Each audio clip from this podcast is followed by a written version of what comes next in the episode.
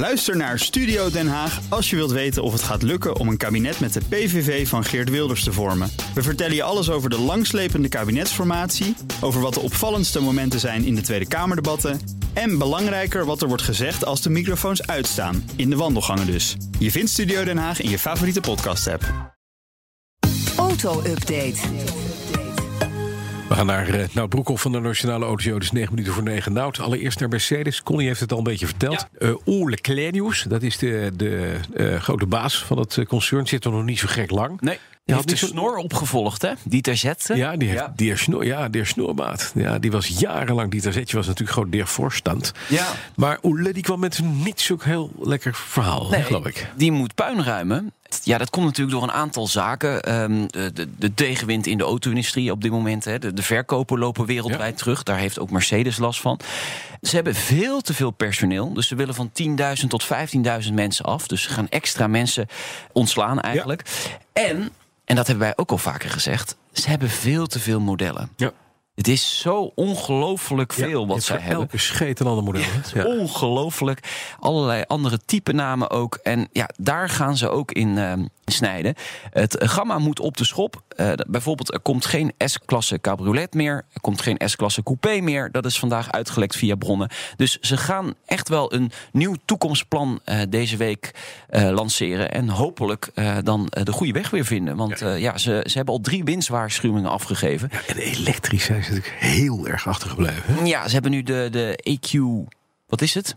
B, I, I. Ja, een van die duizend modellen. Ja, precies. Maar er komen een hoop elektrische modellen aan. Ja, ja het, het, is even wachten nog allemaal. Maar ze moeten wel snelheid maken. Ja, en ze dat moeten wel dus gaan maken. Absoluut. Nee, Ja, zeker weten. weten. Dan, Kia heeft last van de gevolgen van het coronavirus. Zuid-Koreaanse fabrikant, hè? Ja, ze hebben tekort aan uh, onderdelen op dit moment. Uh, onderdelen komen uit China. Die productie ligt stil. Nou, komt mondjesmaat weer op gang vandaag, uh, schijnbaar. Maar de problemen houden nog wel even aan voor Kia in Zuid-Korea. Ze hebben gewoon te weinig onderdelen. En ja, zonder onderdelen geen auto. Hmm, dat is niet mooi, hè?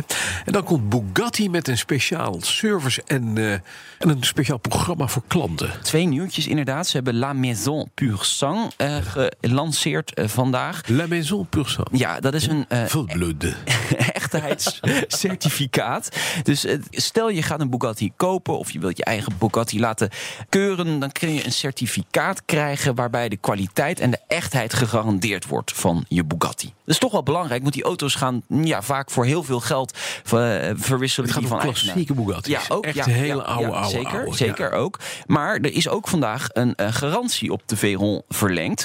Uh, de Veyron, dat is uh, ja, de supercar van, van nou eigenlijk hypercar zeggen ze dan. Meer dan 1000 pk heeft die auto. Die Veyron die, is 15 jaar en ouder. Dus op een gegeven moment heb je gewoon geen garantie meer op die Nee, auto. nee. En die auto heeft wel ontzettend veel kosten qua onderhoud. Volgens mij kost een band al een paar duizend euro bij wijze Ja, van een spreken. speciaal bandje ontwikkeld door Michelin. hè? Precies.